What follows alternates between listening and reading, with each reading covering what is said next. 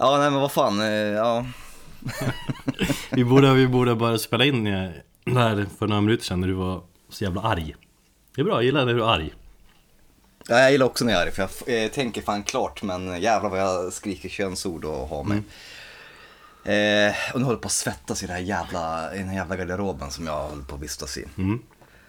Nej men vad fan, vi är svintrötta på varsitt håll så jag har ingen jävla aning om hur det här kommer bli men det är vad det är så vad fan vi får väl vi får helt enkelt köra och så får vi hoppas att någon har sympatier med oss.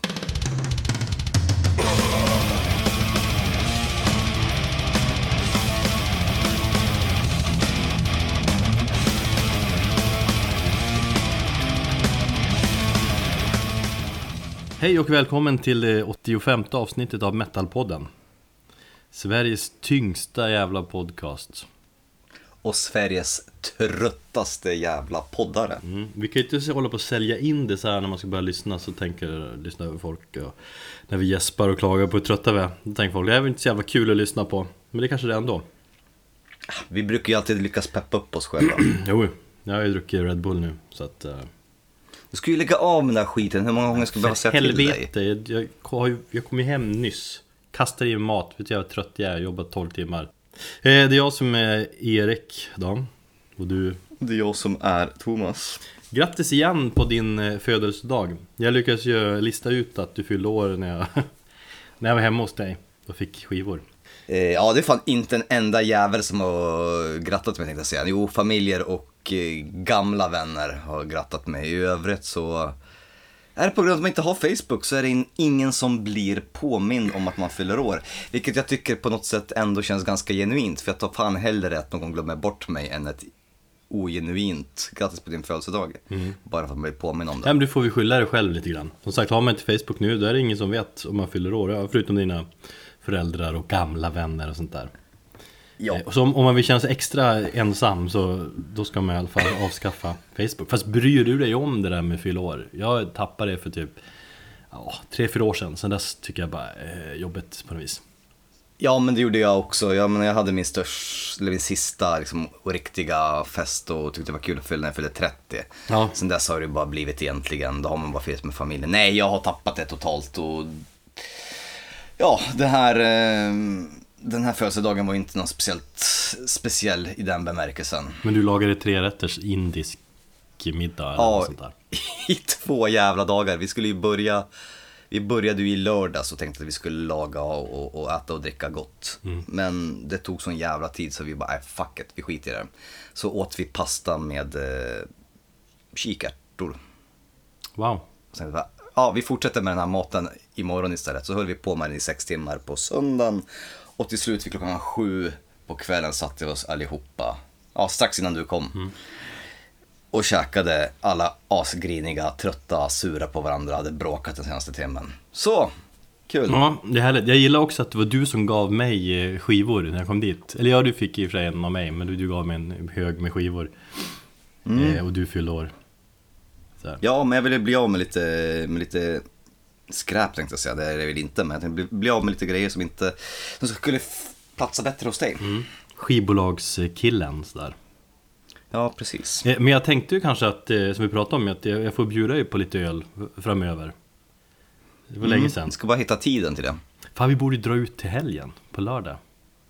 Eh, se Mr. Loves Company på Nalen och så sen drar vi vidare till, eh, till Copperfields där eh, Grid spelar. Du vet Umeå Grindcore Umeå-bandet. Just ja. Eh, som jag pratade om i, i, i det här Umeå-avsnittet. De spelar. Det har du en hel kväll så bara stå härliga till.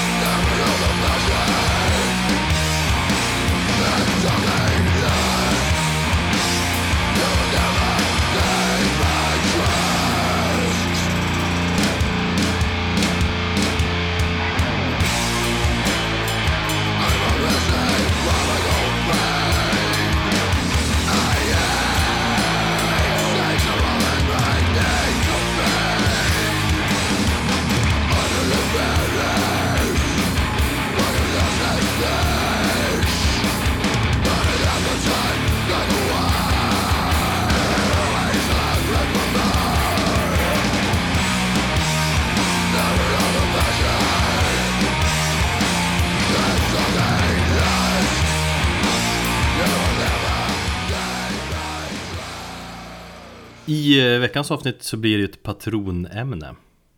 Vi, såg, vi hoppar in på ämnet direkt, eller har, har vi någonting mer? Vi, känner att vi inte är superförberedda här. Eh, vi tyckte räck och så kör vi. Absolut. Och det är ett patronämne då från ingen mindre än vår gode vän eh, Freddy Näslund. Alltså, eller han är ju mycket god vän till mig i alla fall. Jag vet inte, eh, känner du han överhuvudtaget? Lite grann? Har du, du pratat med Ja, men det gör jag. Jag har ju lärt, honom, jag har lärt känna honom lite grann via dig och sådär. Jag tycker han är en supertrevlig kille. Det är väldigt bra kar. Han dyrkar sin vinyl och han dricker sin finöl och han går på konsert väldigt ofta. Han brukade köra med det här, jag kan köra det fortfarande, tuffa citatet att live is where I live. Snyggt citat. Han har ju varit lite sämre på att komma med vettiga ämnen till oss. Vi har ju frågat han några gånger och det har varit lite, gått lite segt. Men nu har han ett eh, vettigt ämne, äntligen.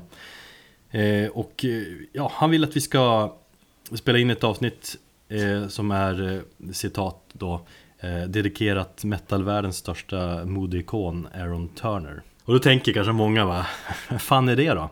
Du vet, kan jag tänka mig. Ja. Jag, jag vet inte hur känd han är egentligen, men ja, ganska. Och folk som vet då vem Aaron Turner är, då tänker de Vadå metalvärldens största modeikon? Och så tänker jag också. Jag tror att Fredde tänker på Aarons skägg. Jaha, är det så speciellt med det? Men han har ju en härlig eh, vild skäggväxt.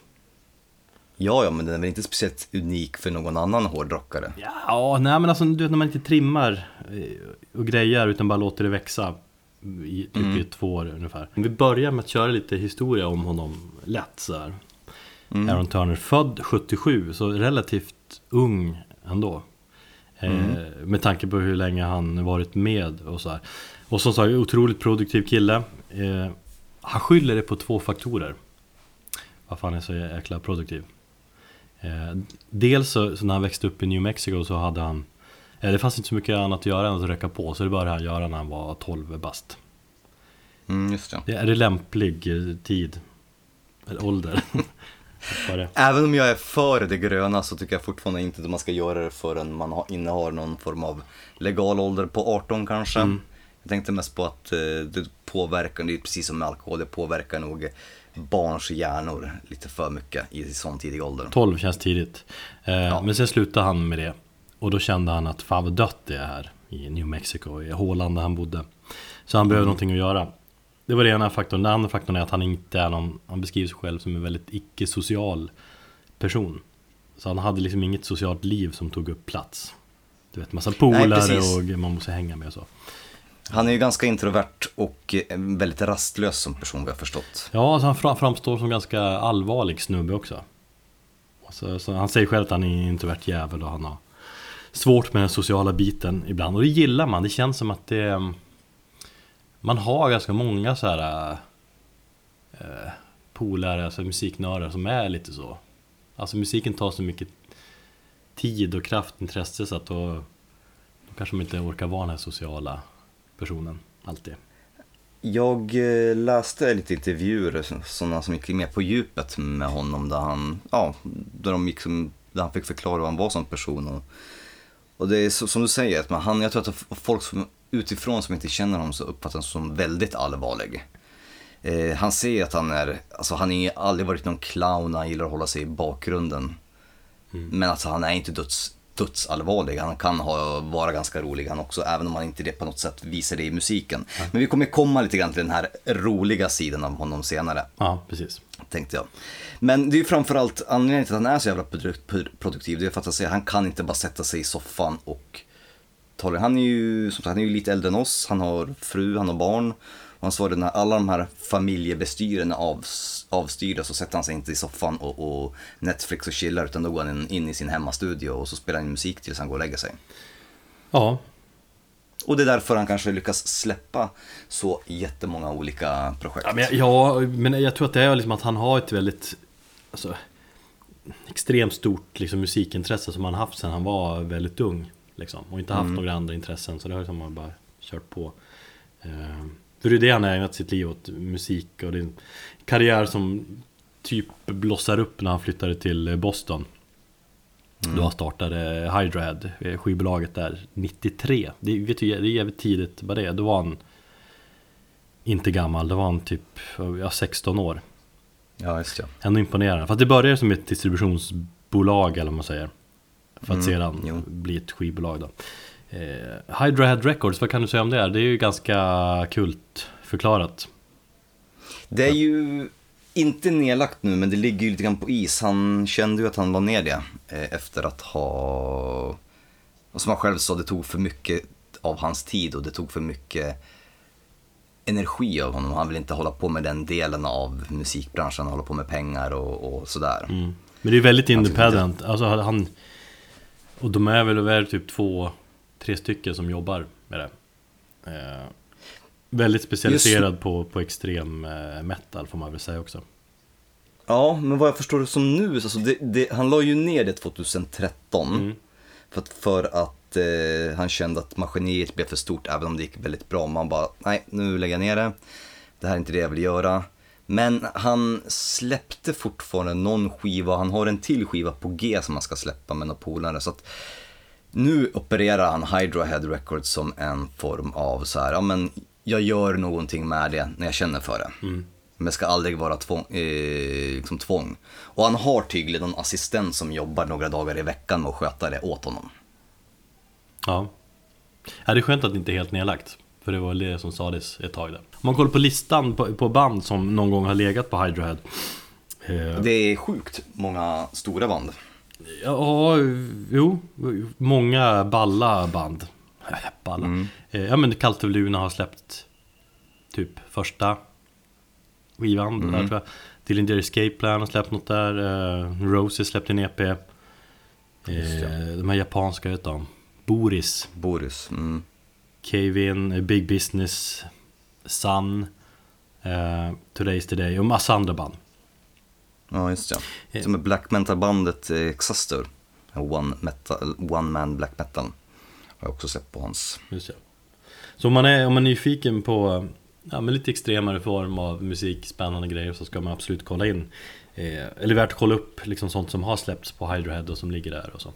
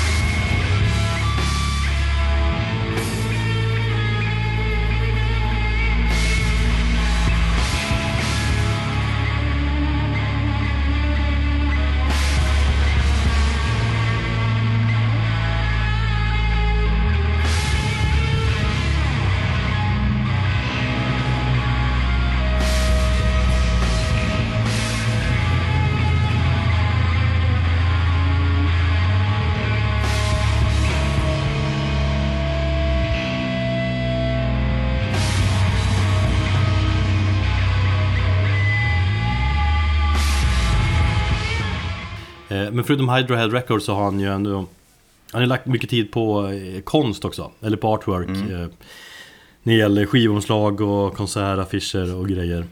Framförallt gör han ju i regel sånt eh, för sina egna band Men han har ganska stort CV även där för Ja, massa band Burst till exempel, Torch Ja, Dillinger Escape Plan har gjort grejer till. Jag har sagt, jag gillar hans grejer, det är ganska, det är ganska abstrakt konst eller man ska säga Verkligen långt ifrån det typiska eh, Du vet, grafiska rockdesignen liksom. Och det är ju lite hans inställning att det ska inte vara Det ska inte säljande och stå ut och vara simpelt utan Och det är inte sådana band han gör grafiska jobb till heller utan eh, Det är oftast inom band som är liksom långt ifrån någon typ av liksom topplist eh, metal, om man säger så. Eh, Precis. Som, som erbjuder någonting annat, någonting svårare. Och då gillar han att göra konst som, som matchar det då. Eh, Han har gjort, eh, alltså Isis framförallt har gjort jävligt mycket snygga grejer. Snygga t-shirtar. Alltså det är ju jävligt snygga, snygg merch eh, som blir utav hans konst. Mm. Man ser inte riktigt vad det är, så bara fan det är väl snyggt, vad är det är? Jaha, coolt. Så om man, om man, om man är nyfiken på hans, eh, på hans konst, eller hans artwork, då kan man gå in på hans eh, blogg. Eh, aaronbturner.blogspot.com Då kan man spana in lite eh, jobb. Jag vet inte hur uppdaterad den egentligen är, men det finns ganska mycket där att kika på. Den var nog senast uppdaterad i somras jag för mig. Mm.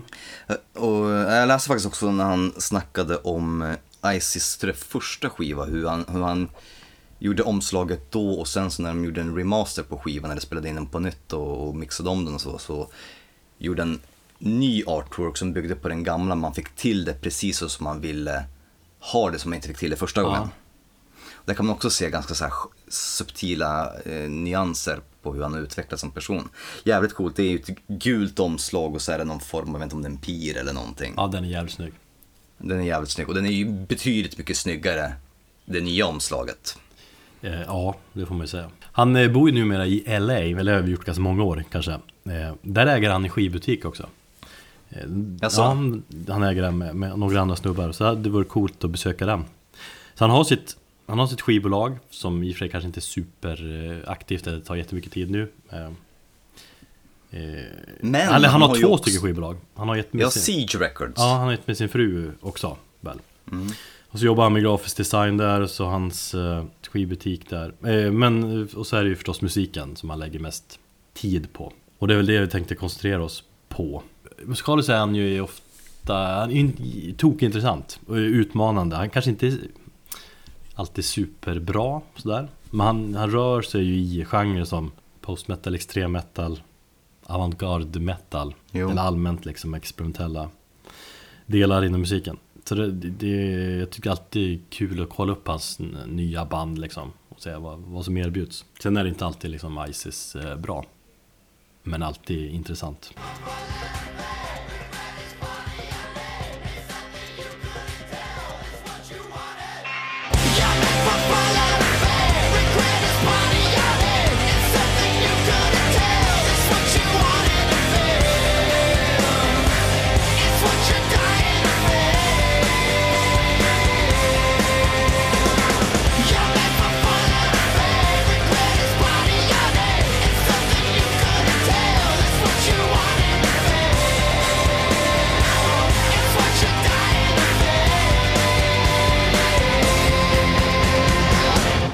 Nej men som sagt hans eh, band och projekt. En jävla massa. Har du liksom kollat på hur mycket band han har? Jag tror att han har den fetaste sidan på eh, Metal Archives i alla fall. Jag tror jag. Ja, om man ska räkna med allting som har varit med om så, så, så tar det tid. Jag tror alltså Wikipedia-sidan nämns väl 15 band och så utöver det har han gjort typ eh, tusen gästgrejer som du var inne på också. Mm. Men så allt det kommer vi inte gå igenom, då får vi sitta här i, i några timmar. Eh, Men vi, har- vi har valt ut fem band såklart, så Metalpodden style. Som, ja, hur har vi tänkt då? Jag vet inte. Kanske några av hans intressantaste band, eller hans bästa, största. De största skulle jag vilja säga, eller de som är, kanske har varit mest framgångsrika vet jag inte. Ja. Men, ja, men största band, de som har... Och där han har varit, alltså band som har varit band läng, länge också. Mm, och, band som är aktiva och aktuella ska jag säga också. Förutom ett då. Lite så. Ja, ja, det, beror, ja det beror på. Tänker du på, på Old Man Gloom då? Eh, ja men det är absolut Eller är det aktivt? Det vet jag inte Det, det är aktivt. Men det är alla de här, alla fyra av fem är aktiva tror jag Eh, Vi börjar med ett band som heter Mammifer band som man kanske skulle kunna beskriva som ett eh, kärleksprojekt tänker jag Det stämmer ganska bra tycker jag.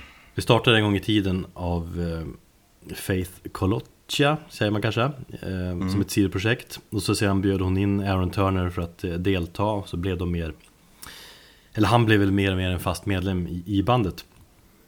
I Mammifer, och sen började de dejta. Och sedan gifte de sig, och så sedan fick de barn tillsammans. Så det är ju fint, det är en vacker kärlekshistoria. Mm, men han, han understryker ju också att han försöker att hålla sig ganska så mycket åt sidan och låta henne eh, göra, liksom, sköta bandet. Ja. Men i grunden är det väl en typ av duo då. Mellan Aaron och eh, Faith. Eh, Mm. eh, Och under åren, de har ju samarbetat med en massa artister. Melvin har varit med och eh, Wolf in the Throne Room bland annat. Jaså? och Sun. Så att det, eh, för att nämna några då. Eh, de har funnits i drygt tio år. Och eh, har varit ganska produktiva måste jag säga. Fyra studioalbum, massa så splittar och massa något alive-album och annat. Mhm. Genremässigt så är det ju väldigt eh, ja, atmosfäriskt. Väldigt ambient och lite postrockigt också. Jag skulle nästan säga att det går mer, mer åt liksom, nästan indie-rock-hållet stundtals. Ja, kanske. De, de har ju för sig förnyat sig, låtit lite annorlunda beroende på pl- platta också. Ja, jag tänkte i alla fall på den, på den senaste plattan, vad heter den? Är det The World Unseen Ja, eller? precis. Som kom 2016, Mm. tror jag. Mm.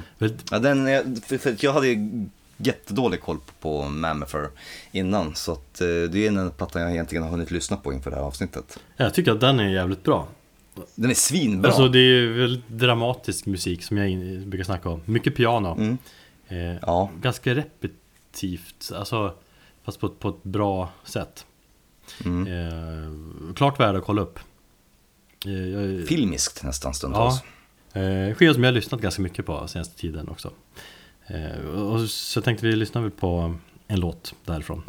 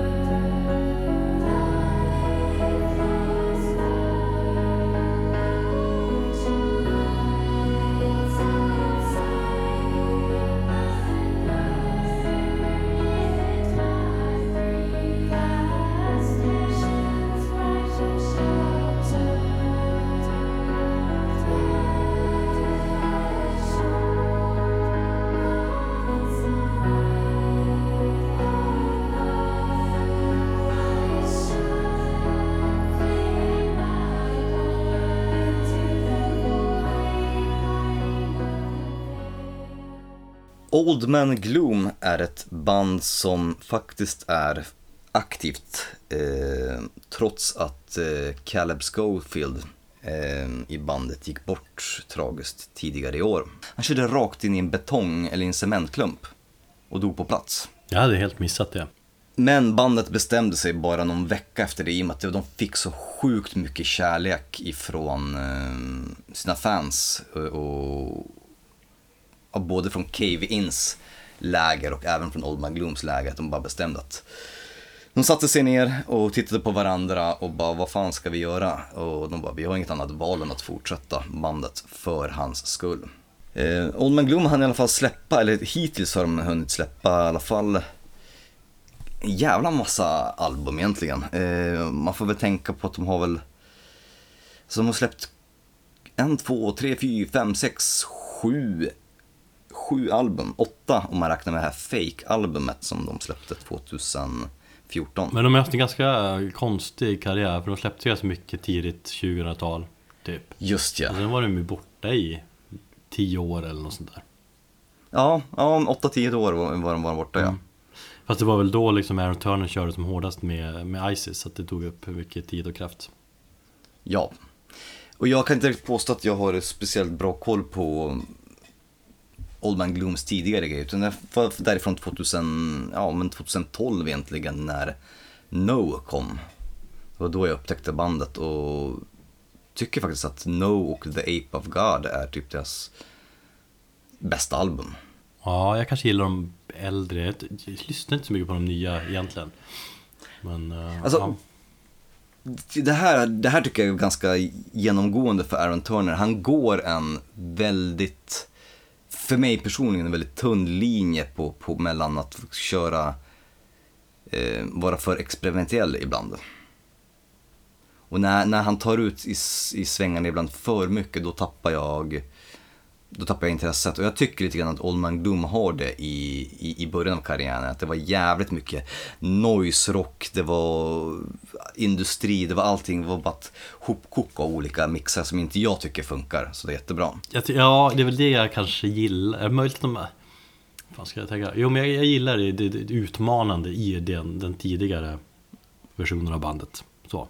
Mm, jo, men det är ju bara att kolla tillbaka på, på vårt avsnitt om eh, Fate No More och, och, och Mike Patton så, så förstår man ju att du, du gillar, diggar ju det där när det blir lite skevt. Framförallt den tiden också. Där på 2000-talet var det mycket sånt jag gick igång på. Och så kom någon, med något helt nytt liksom som utmanade den. Allt sånt. Ju konstigare desto bättre, lite grann. Även om Old Man Gloom inte blev speciellt mycket enklare musikaliskt eh, på senare tid så tycker jag fortfarande det finns någon form av mer rakare linje inom låtarna. Låtarna kanske följer någon form av konventionell låtstruktur på något vis. Även om det fortfarande är ganska vrickat. Ehm, men i alla fall, eh, 2014 så släppte de The Ape of God och eh, den har jag ett speciellt minne till. Därför att eh, bandet bestämde sig för att lura eh, pressen, media, alltså alla.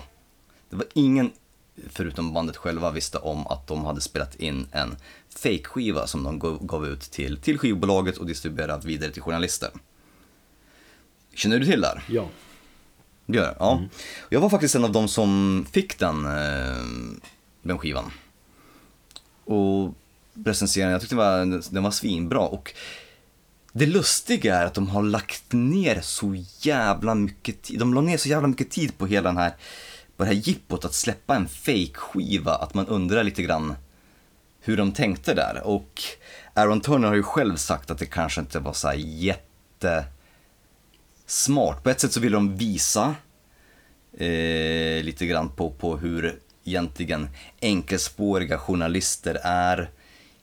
Som egentligen bara liksom tar av varandra och egentligen bara liksom, mm, ja du vet, maler samma grejer hela tiden när de censerar. Samtidigt så vill de också visa på att, eh, kolla, det finns så många människor som sågar musik och du tar dig kanske en halvtimme på att såga våran platta. Du tar en halvtimme på att lyssna på vår musik. Sen sågar du den medan vi har lagt ner kanske två år på den. Och han vill också visa någonstans att om du ska såga oss så, så får ni ju kanske ta och liksom lägga ner lite mer tid i, i, i att lyssna på musiken och ta er till den än att bara liksom avfärda den rakt av. Jag är ju ganska kluven till det där. Jag vet inte om det var ett genidrag eller eller var jävligt från, från bandets sida också. Och så med tanke på att man, snack, man snackar om att det var en skämtplatta typ, eller inte en riktig platta, men den är, det är ändå liksom en riktig platta. Alltså, det är så lömskt hela grejen tycker jag. Ja, men det är ju det. Det var inte så att de släppte eh, någonting helt annorlunda. Nej. Det de egentligen släppte var ju nedkortade och lite remixade versioner av en redan färdig, av ett redan färdigt dubbelalbum. Ja, Som egentligen låter som en del i en till Det skulle kunna vara B-sidor eller någonting. Det låter inte som att de skulle släppt någon plojgrej som typ någon jävla mm, halvpunket, fjantigt Melvins-grej liksom och sen så gör de någonting helt annorlunda. Så musiken var ju väldigt lik. Så alltså det finns ju tre The Ape of God-plattor. En fake-platta och sen dubbelalbumet då som heter, båda heter The Ape of God. som man kallar väl ett och två lite grann. Jag vet faktiskt inte om man gör det. Jag tror inte de ville att det skulle heta 1 och 2. Sen så har det väl blivit så att ah, i, i liksom iTunes och Spotify måste dela upp det. Men tanken var att de bara skulle heta The Ape of God bägge två. utan någon form av indelning sinsemellan. För, förvirrande och eh, udda, lite coolt och sådär och tankeväckande men ändå i stor hela eh, mest förvirrande tycker jag. Mest förvirrande, det där slog tillbaka ganska hårt på dem för det var väldigt många journalister som eh, blev kränkta av det och, och, och, passade på då att lägga ner tid på att såga bandet. Mm. Och de kände så här, och sen så blev bandet lite så här, men vad fan liksom, kom igen nu. Och de sa, vi fick ju skylla oss lite grann själva för att vi kanske gjorde så här. Men det, vissa det känns som allmänna uppfattning är ändå, man snackar om, kommer ihåg när Oldman Gloom jävlades och lurade typ hela, hela journalistkåren. Det var, det var coolt. Jag hade ju inte, alltså jag missade det helt. Jag fick eh, skivan, jag lyssnade på den som fan, jag recenserade den. Sen så liksom, jag var inte ens med i hela den här diskussionen. Eh, eller liksom, jag läste inte någonting på nätet om det, utan jag fick reda på att det var att de lurades bra mycket senare. Jag sa att det är samma namn och så här. Ja, hela grejen är ju förvirrande. Lite, ja, kanske lite nyskapande men konstig. Jag minns jag pratade med deras skivbolagsrepresentant som, och jag bara frågade så bara, vad hände med den här skivan? Och de bad jättemycket om ursäkt och bara förlåt, vi hade ingen aning, bandet har lurat alla på skivbolaget också. Så att det var så här, ja, vi ber om ursäkt. Så att skivbolaget var i sin tur tvungna att be om ursäkt till alla arga journalister. Jag var med så här och bara, ja, jag, jag hängde inte riktigt med på vad som hade hänt, för jag fattade det. Jag bara, helt plötsligt har jag tre skivor. Det känns som att de flesta satt och bara höjde ögonbrynen och försökte förstå. Mm. Men hur som helst, eh, musiken på, på Ape of God är eh, jävligt bra. Den är ju, känns ju som sagt som en naturlig fortsättning lite grann från Ice, nej kanske inte alltid, den är ju liksom lite mer out there om man säger så. Men det finns faktiskt passager på, på den skivan som jag tycker mig höra och kanske vara överblivet material från Ices-tiden. Det finns vissa riff och sånt där som man tänker på, det här låter så jävla mycket Isis och det här skulle mycket väl kunna vara någonting som inte platsade på en Isis-platta så har de lagt undan det här riffet eller den här liksom lilla delen och så tar han tog upp det senare och kanske förvridit det. Ja, eller är det bara att han skriver musik eller allas, alltså man känner igen hans sätt att skriva riff och sånt där. Ja, i de andra banden, eller i de andra banden som jag tänker prata om lite, lite senare så, så, så tycker jag inte mig höra samma sätt. Mm. Men i alla fall, eh, vi lyssnar på faktiskt skivan, eh, eller vi ska ta ett stycke från skivan No som kom 2012 och det är låten eh, The Forking Path.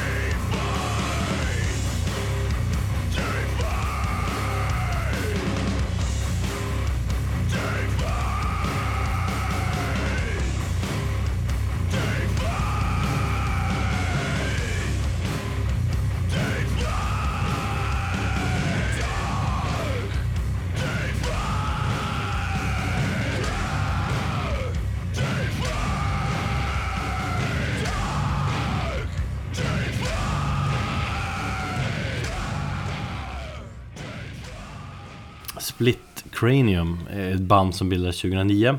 Isis var på sin sista Europa-turné då. Och eh, då hade de med sig finska Circle. Och under den turnén så, ja, fattade Aaron Turner och Jussi Lehtisalo eh, från Circle tycker för varandra. Och från deras liksom eh, kärlek för gammal hardcore och kängpunk så bildar de bandet Split Cranium då. Fantastiskt bandnamn tycker jag. Ja, faktiskt. Och, och liksom målet var ju att spela ganska rak och, och så här punk, rock och, och käng, typ The Charge och så här. Men Ja, men han hade väl någon förkärlek till, till Discharge och, och dem i åtanke när han, när han började skriva musiken till det här. Absolut. Och då hade eh, de båda två. Eh, vilket är ganska coolt med tanke på att Aaron normalt liksom eh, inte vill spela någonting som, som håller sig inom ganska tydliga regler. Ja, nej precis. Men han kommer ju också från en jättetydlig hardcore-bakgrund. Ja. Som kid alltså. Mm. Men om man kollar på hans andra grejer så är det ju liksom, är det ganska ja, flippat så. Så det tycker jag är ganska coolt. De släppte en självbetitlad debut eh, först. Eh, och sex år senare, i år, så släppte de uppföljaren eh, I'm the devil and I'm okay. Och här har de tagit liksom det här tydliga ramverket för, för liksom inom genren och så har de förändrat det lite grann då. De vill göra det lite mindre rakt på sak. För första debutplattan är ju mera liksom eh, klassisk käng så. Mm. Eh, här vill de liksom utmana genren lite grann. Aaron Turner säger att eh, Jussi där Jussi säger man kanske Jussi Lehtisalo, han, han älskar melodier och Aaron själv han gillar att liksom, det ska vara mycket dissonans och det ska vara noise och så har de försökt förena det på något sätt. Mm, just så. Eh, alltså jag måste säga, skivan det är en jävla positiv överraskning för mig. Ganska...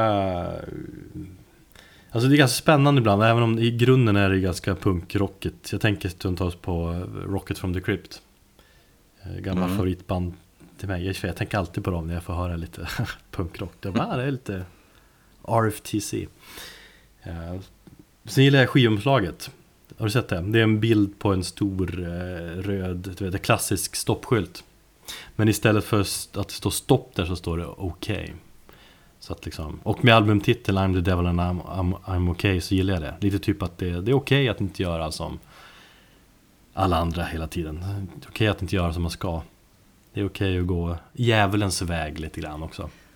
Jag gillar den, men jag gillar den inställningen överhuvudtaget, att liksom bryta från allting. Att han egentligen vill spela klassisk käng, men han klarar egentligen inte ens av att förhålla sig till reglerna inom det. Nej, ja, de gjorde det, på, de gjorde det på debuten mer, men sen ville de ja. förnya sig. Men vilket gör det hela liksom mycket mer intressant också. Lite elektroniska bitar, för hans fru är ju mer i det här bandet också. Ja, oh, okej. Okay. Så hon har liksom lagt på lite sådana grejer. Och så är det någon låt som är ren noisig. Så att det blir, ja men det här dynamiska eh, skivtänket liksom. Ja, mm. blir, blir, blir mer varierande. Jag såg någon video här till någon låt som släpptes i somras. Där det var en snubbe som står ja, med, med liksom bakom sin bil med trunken uppföljd och så sätter han på sig hockey, en hockeyutrustning eller målvaktsutrustning. Mm. Hela videon är bara det. Ja, det är ju punk. ja. Det är käng. Hockey. ja. Ja men det är en bra platta. Fan, eh, ja, jag har kört den rätt hårt nu. Så att det är en diggar jag. tycker vi lyssnar då på en låt. Vi lyssnar på Evil Hands. Från I'm the Devil and I'm okay with Split Cranium.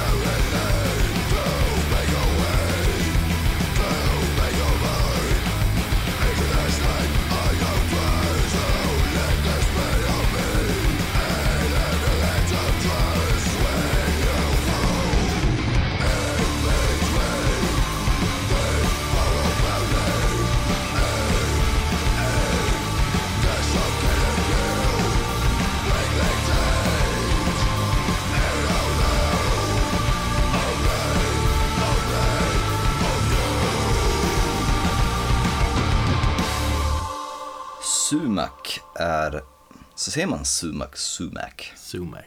Sumac. Sumac. Man vill känna som man vill för svenska lite grann. Har du hört senaste sumac?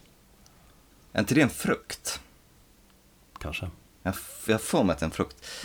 Jag har, lite, jag har lite komplicerat förhållande till det, till det mm, bandnamnet. Dels för att det ja, förvirrande när man jag pratar om svenska um, sludgebandet Suma. Helvete vad jag har blandat ihop dem flera Ja, gånger. ja, ja, flera gånger jag också.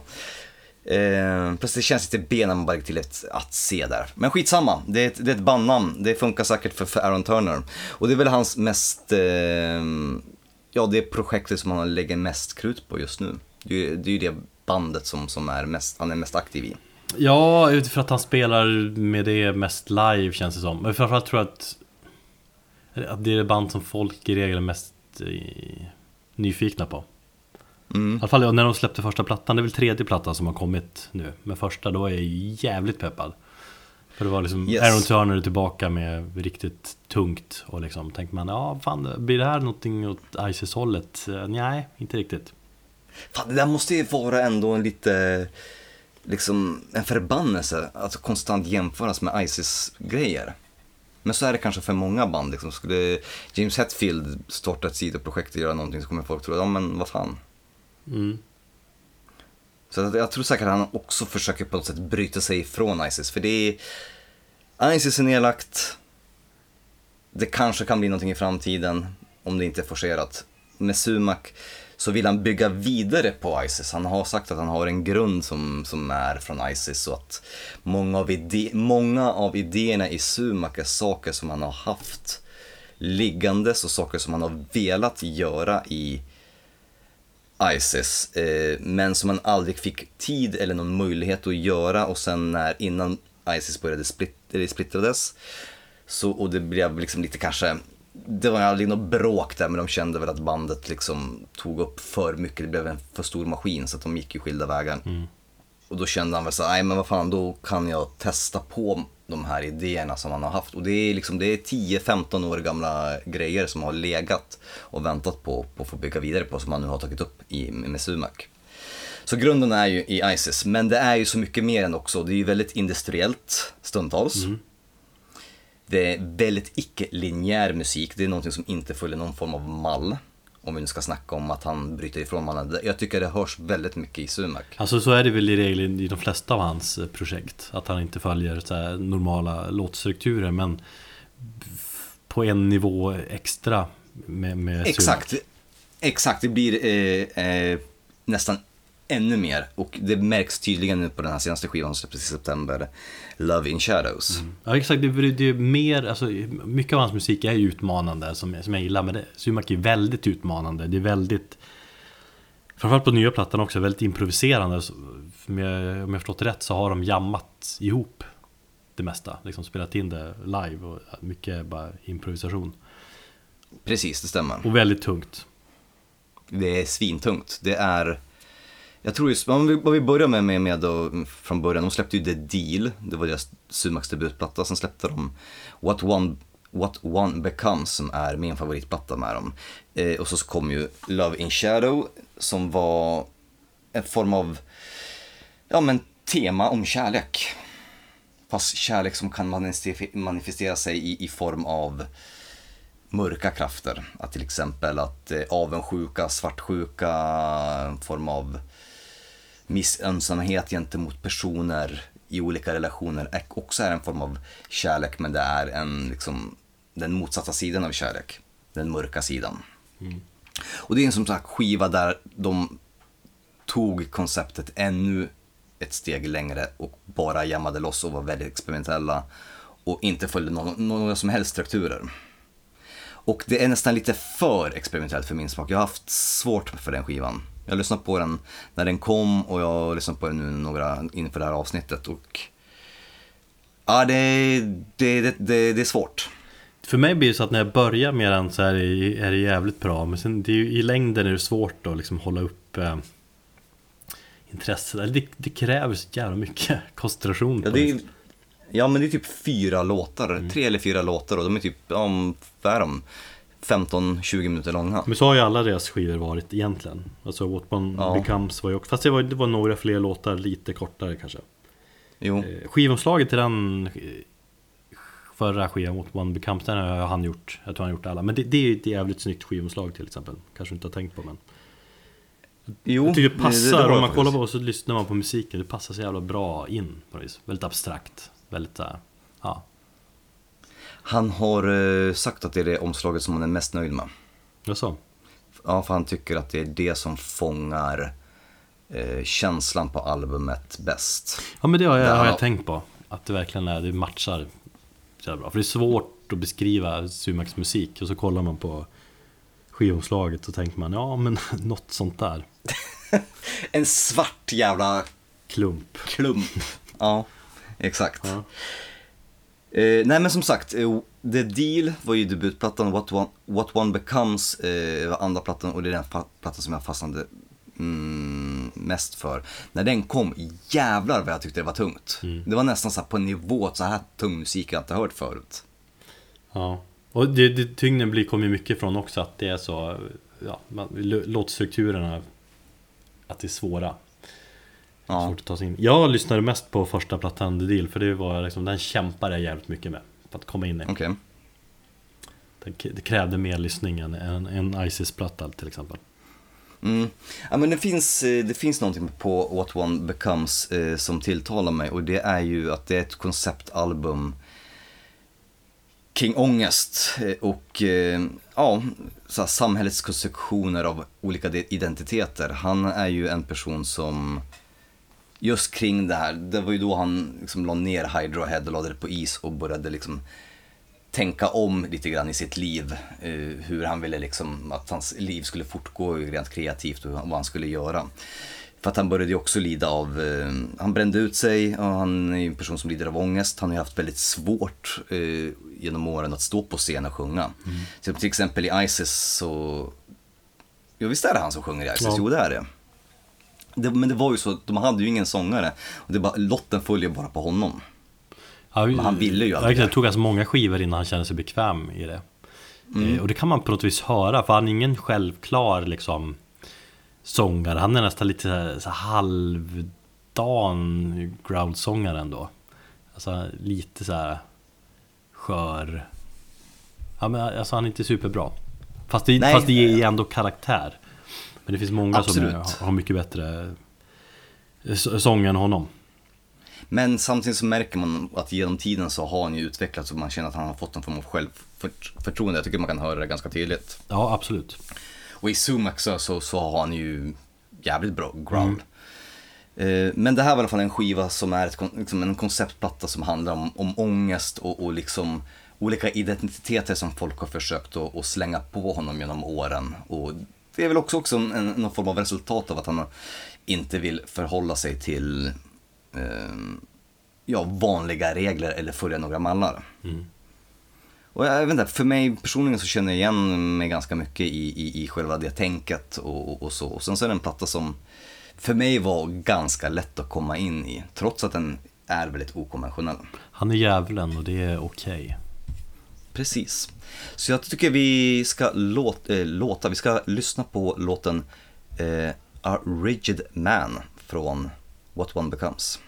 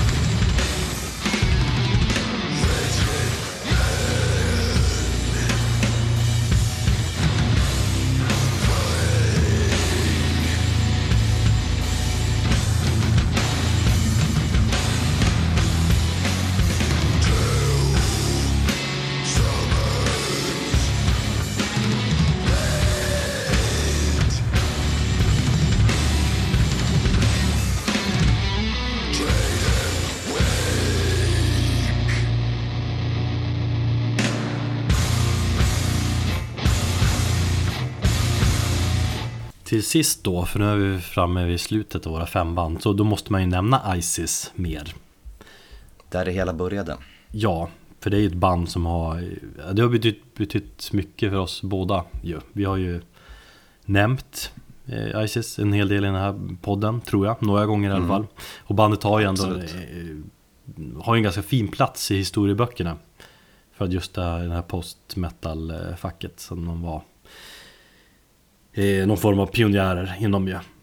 Mm. Och vad nämnde vi? Neurosis har ju de, Neurosis kanske är liksom gudfadern någonstans inom post-metal Eh, Och så har du kanske Isis och Caltoluna som uh, står bredvid på något sätt Även om det finns väldigt mycket likheter med just Neurosis och, och Isis så tycker jag aldrig det varit ett band som någon som har konkurrerat med varandra på det sättet som kanske, du vet, fansen kan mm, ja, vilja göra. Som till exempel me, liksom, eh, rivaliteten mellan Megadeth och eh, Metallica känns ju mer som det är något som är konstruerat av fansen än av bandet själva.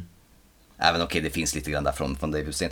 Samma sak så känns det mellan de här två bandet. Ja, men jag gillade Isis. Nej, men jag gillar eh, Neurosis för de var, de var bättre. Det känns som att det är två band som fyller två olika syften. Men vad är det De folk som ha- säger så? Jag tycker att så här, alla, alla, alla de här banden, om man räknar in Caltoluna också tycker jag kan Det är absolut post-metal men de har ju verkligen sin egen unika grej inom Det är det jag menar, jag tycker att de, de, har, alltså de, de konkurrerar inte med varandra, men jag har fått känslan av att det blir någon form av tävling mellan fansen. Nej det tycker inte jag, Ja, men- eller det är inget som jag har tänkt på eller märkt Nej, okej.